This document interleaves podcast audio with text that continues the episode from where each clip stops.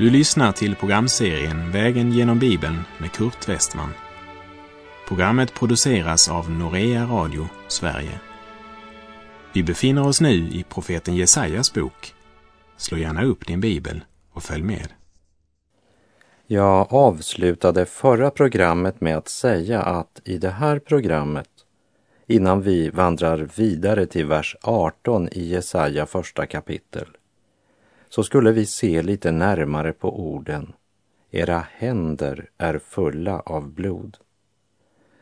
Och det var inte blodet från offerdjuren de hade på sina händer, för det var ju prästerna som hade utfört offren. Era händer är fulla av blod.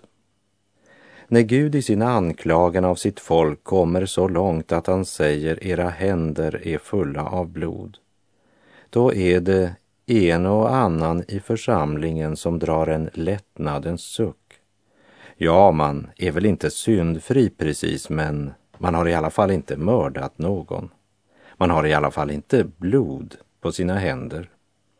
Och då kan ju de här orden inte gälla mig, eller hur?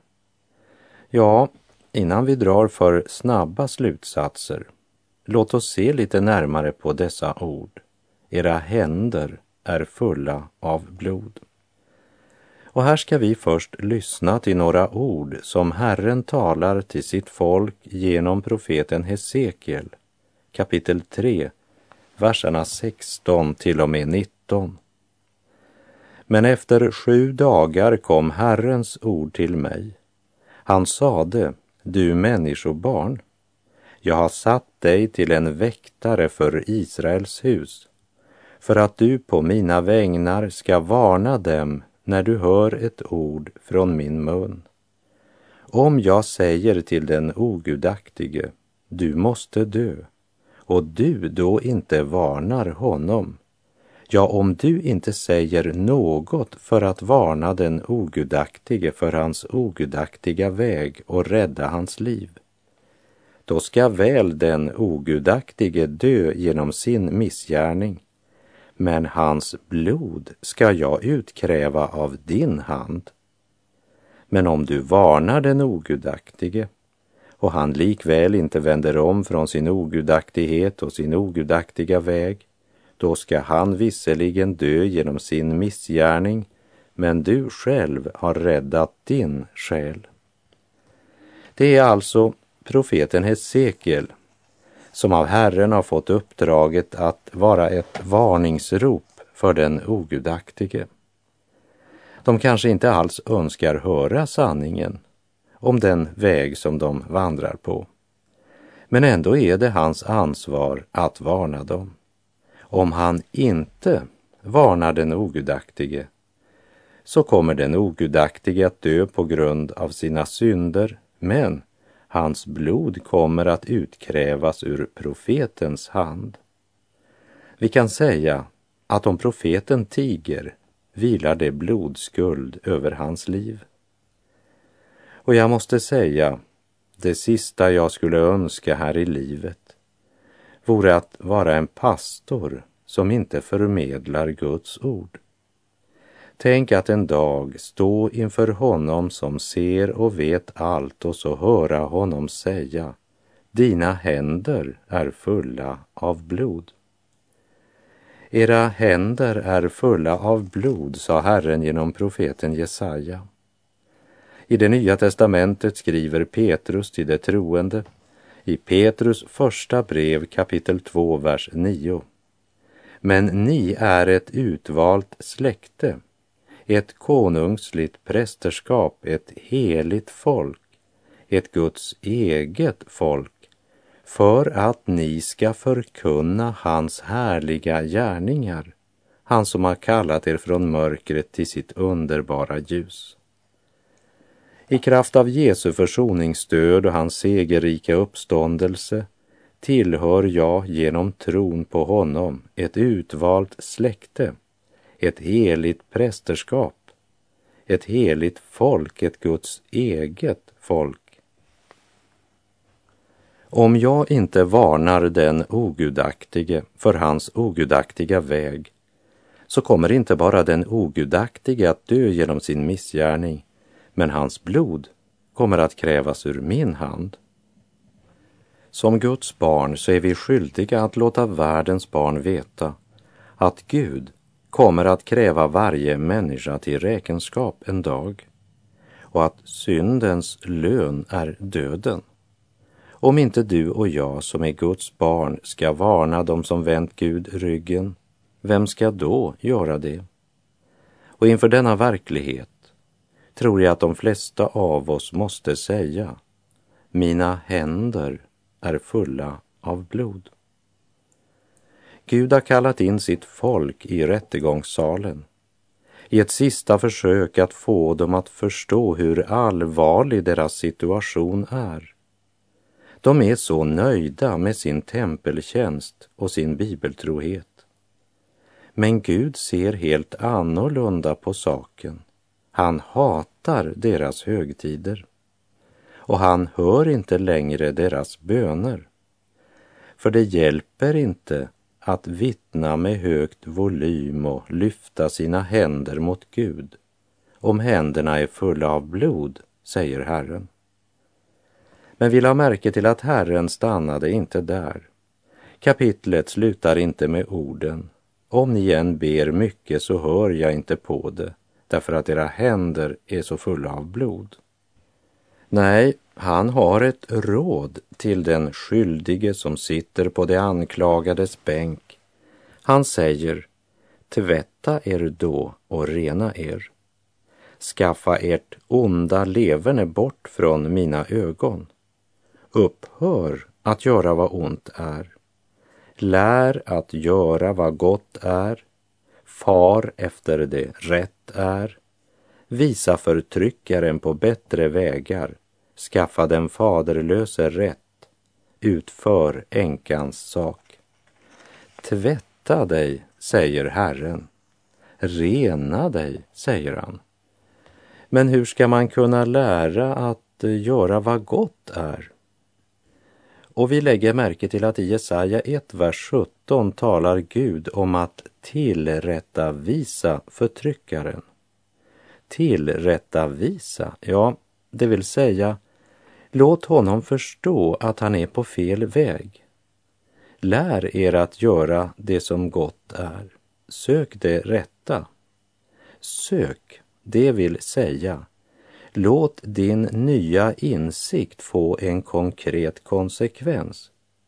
För det är inte nog bara med kunskap och ord. Det måste också visa sig i ditt liv om du söker Gud. Men Gud vet att det finns bara en möjlighet för den fallna människan.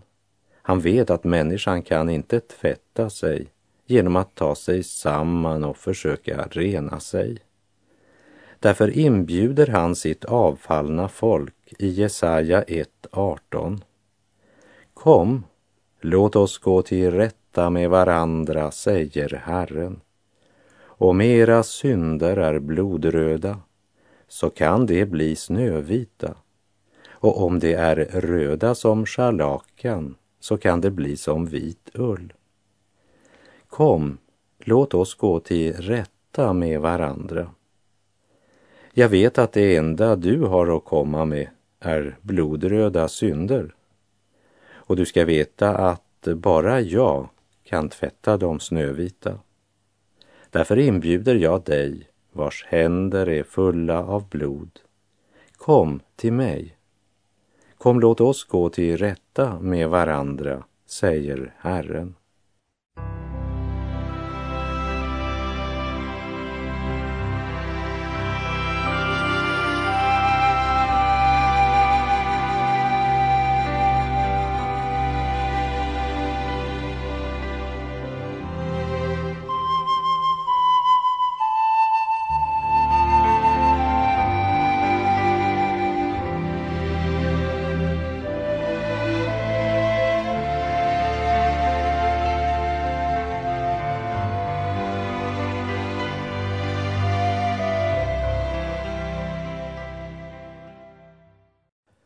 Evangeliet om Jesus Kristus strålar som en morgonstjärna över en jord full av gravar.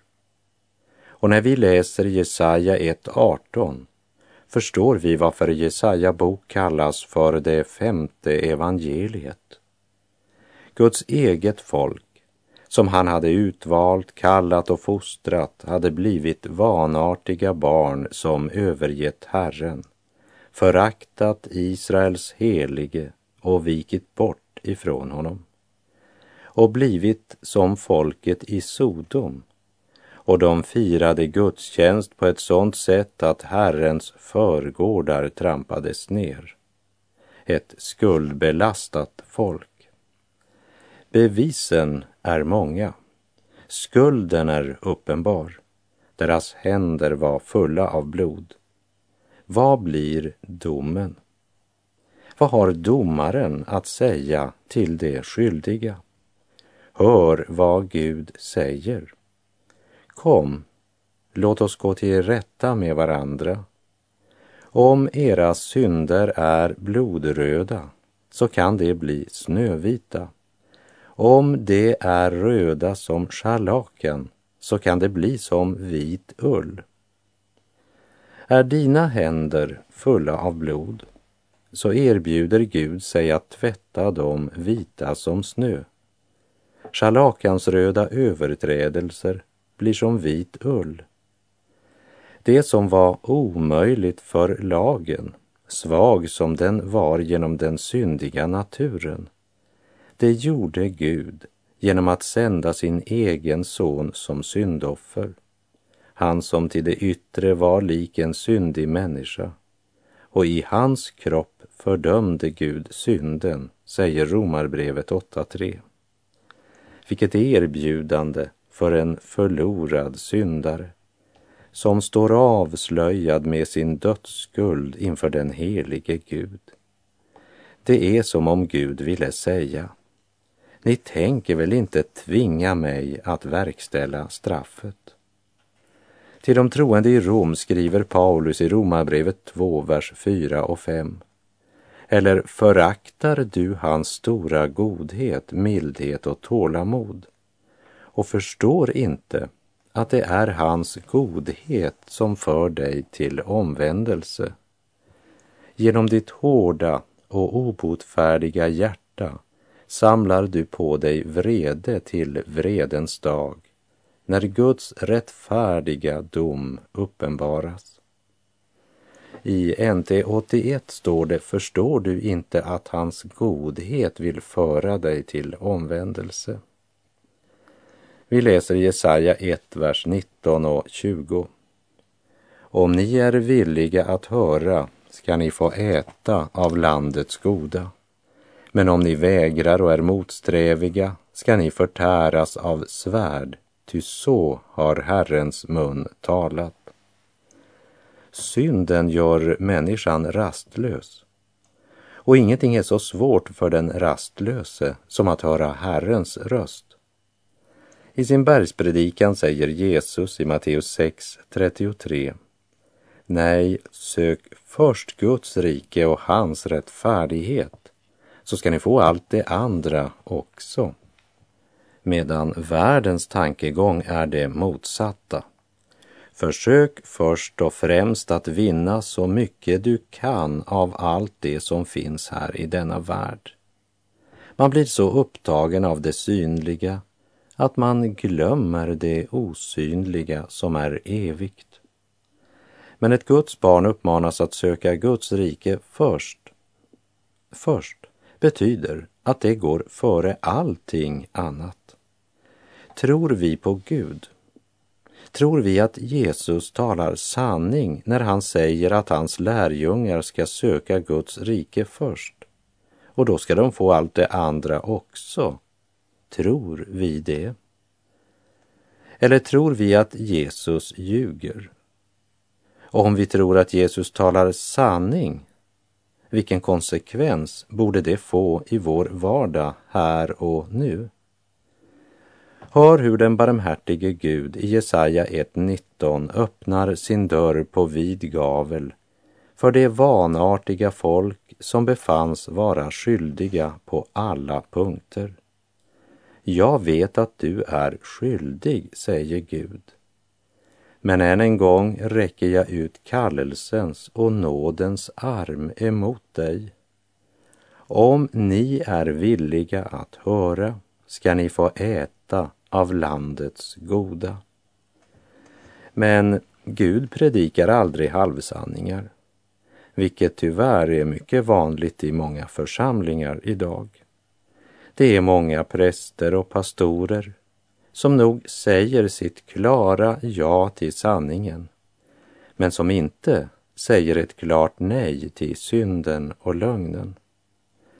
Efter att Gud räckt ut sin barmhärtiga hand till ett avfallet folk genom att säga att om de bara var villiga att lyssna till Gud, höra på honom, så skulle de få äta av landets goda. Så låter han dem veta vad som blir konsekvensen om de inte vänder om. Vers 20. Men om ni vägrar och är motsträviga skall ni förtäras av svärd, ty så har Herrens mun talat. Guds sanna profeter talar inte halvsanningar utan förkunnar både välsignelsen och förbannelsen. Och därför är människan utan ursäkt om hon väljer att förkasta Gud. I Romarbrevet 1, verserna 18 till 20 så säger Guds ord Guds vrede uppenbaras från himlen över all ogudaktighet och orättfärdighet hos människor som i orättfärdighet undertrycker sanningen. Det man kan veta om Gud är uppenbart bland dem. Gud har ju uppenbarat det för dem. Ända från världens skapelse ses och uppfattas hans osynliga egenskaper hans eviga makt och gudomliga natur genom det verk som han har skapat. Därför är det utan ursäkt. Både evangelium och lag sammanfattas i Jesaja 1, vers 19 och 20. Om ni är villiga att höra ska ni få äta av landets goda. Men är ni ovilliga och motsträviga ska ni förtäras av svärd, ty så har Herrens mun talat. Till himlen det ej tvingas, det blott i klockan ringes. Och i Jesaja kapitel 1 ringer Herrens klocka för att försöka väcka ett avfallet folk. Ja, här möter vi än en gång den Gud som vill att alla människor ska bli frälsta och komma till insikt om sanningen. O Gud, all sanningskälla, jag tror ditt löftesord. Vad du har sagt ska gälla i himmel och på jord. Och kalla mig i nöden, så får du hjälp av mig. Ja, Herre, in till döden vill jag åkalla dig.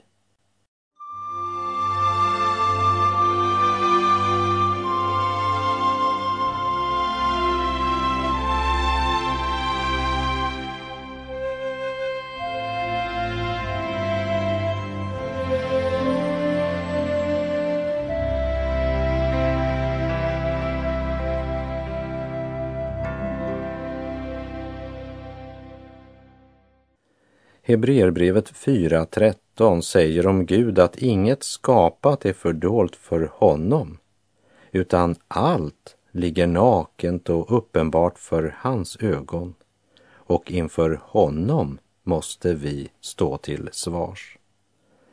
Israel har vänt Gud ryggen och fallit djupt i synd och omoral och allt är registrerat vid den himmelska tronen och den som inte vill lyssna till Herrens röst och vända om kan inte undgå att drabbas av syndens dom.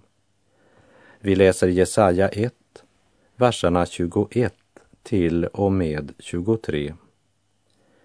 Hur har inte den trogna staden blivit en hora?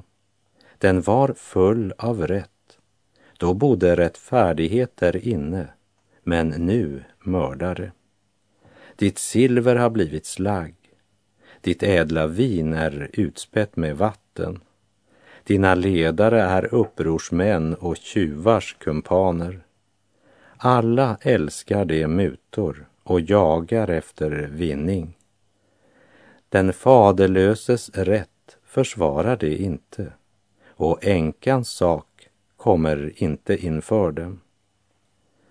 Avfallet från Gud börjar till sist märkas på alla plan. Personligt, i församlingen, socialt och politiskt.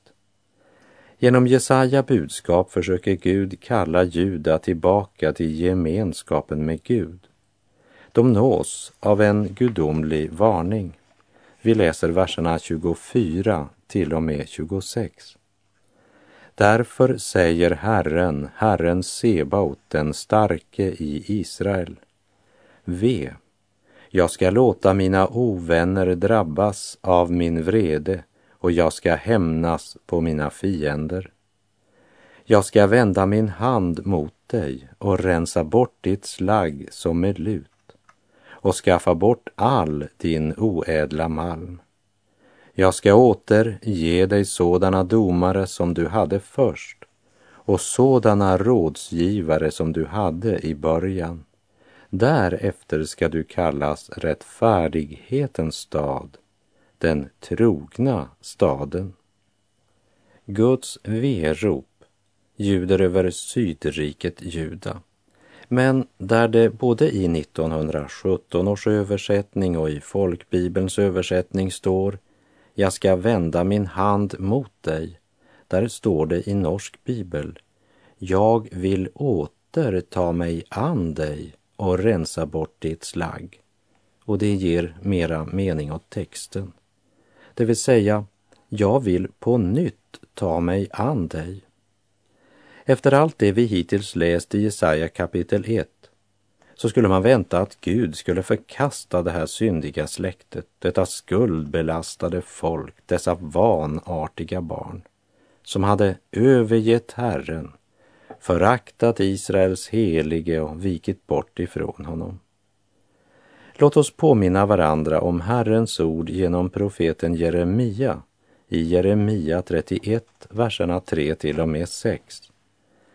Fjärran ifrån uppenbarade sig Herren för mig. Ja, med en evig kärlek har jag älskat dig. Därför låter jag min nåd förbli över dig. Ännu en gång ska jag upprätta dig så att du blir upprättad, du jungfru Israel. Ännu en gång ska du få utrusta dig med puka och dra ut i dans bland dem som gör sig glada. Ännu en gång ska du få plantera vingårdar på Samariens berg och planteringsmännen skall själva skörda frukten. Ty en dag kommer då vaktare ska ropa på Efraims berg, upp, låt oss dra till Sion upp till Herren, vår Gud. Jag vill på nytt ta mig an dig. Guds på nytt, det är så annorlunda mot vårt på nytt. Under vår vandring med Gud genom livet blev det på nytt ett nederlag, en ny försumlighet, ett nytt fall. Och sveket smög sig på nytt in i vårt offer för Herren. Offret blev mindre och mindre medan vi använde mer och mer på oss själva både av tid, kraft och egendom. Och detta på nytt började allt mer prägla vår efterföljelse. På nytt försummade vi att komma till nådens tron, till bekännelse, rening, förlåtelse och upprättelse. Dessa ständiga på nytt i våra liv förslöade samvetet tog udden av vårt kristenliv och vår kristendom blev bara en kunskap. Gudslivet blev så att säga en bok under armen istället för en ström i vårt inre. Vi blev besmittade av världen. Det heliga har blivit utblandat med världens orena vatten vårt liv blev som det står i Jesaja 1.22. Ditt silver har blivit slagg, ditt ädla vin är utspätt med vatten. Så oerhört träffande. Gud kan sätta ord på vår situation. Det har blivit något utblandat och urvattnat över gudslivet. Hur underbart är det då inte att det finns ett annat på nytt än det på nytt som kommer från vår gamla fallna natur. Och då tänker jag på Guds eviga på nytt, där han säger till dig och mig, som han genom profeten Jesaja sa till Juda. Jag vill på nytt ta mig an dig och rensa bort ditt slagg som är lutsalt och skaffa bort din oädla malm. Gud vänder sin hand mot oss, inte ifrån oss. Men processen är inte smärtfri. Det är något som måste smältas bort från våra liv genom Guds heliga eld. Och Guds eld, den går helt i botten, ja, helt ner till roten, syndens rot. Gud vill rensa bort vårt slagg som med lutsalt. Det svider verkligen för vårt kött, vår gamla natur. För det handlar inte om en försiktig polering av ytan, men det handlar om en ytterst smärtsam men nödvändig process.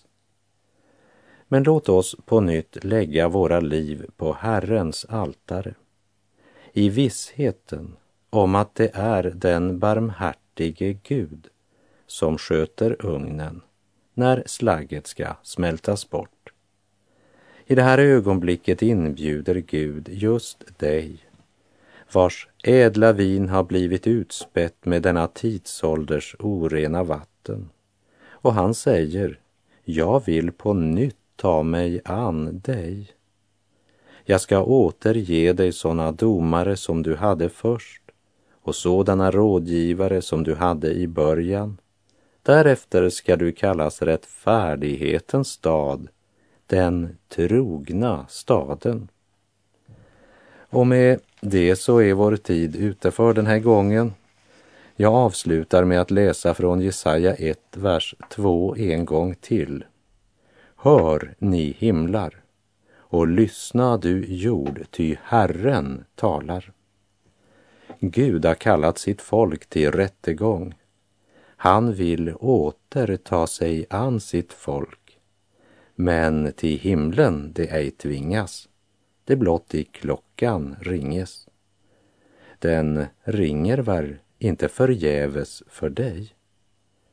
Herren vare med dig, må hans välsignelse vila över dig. Gud är god.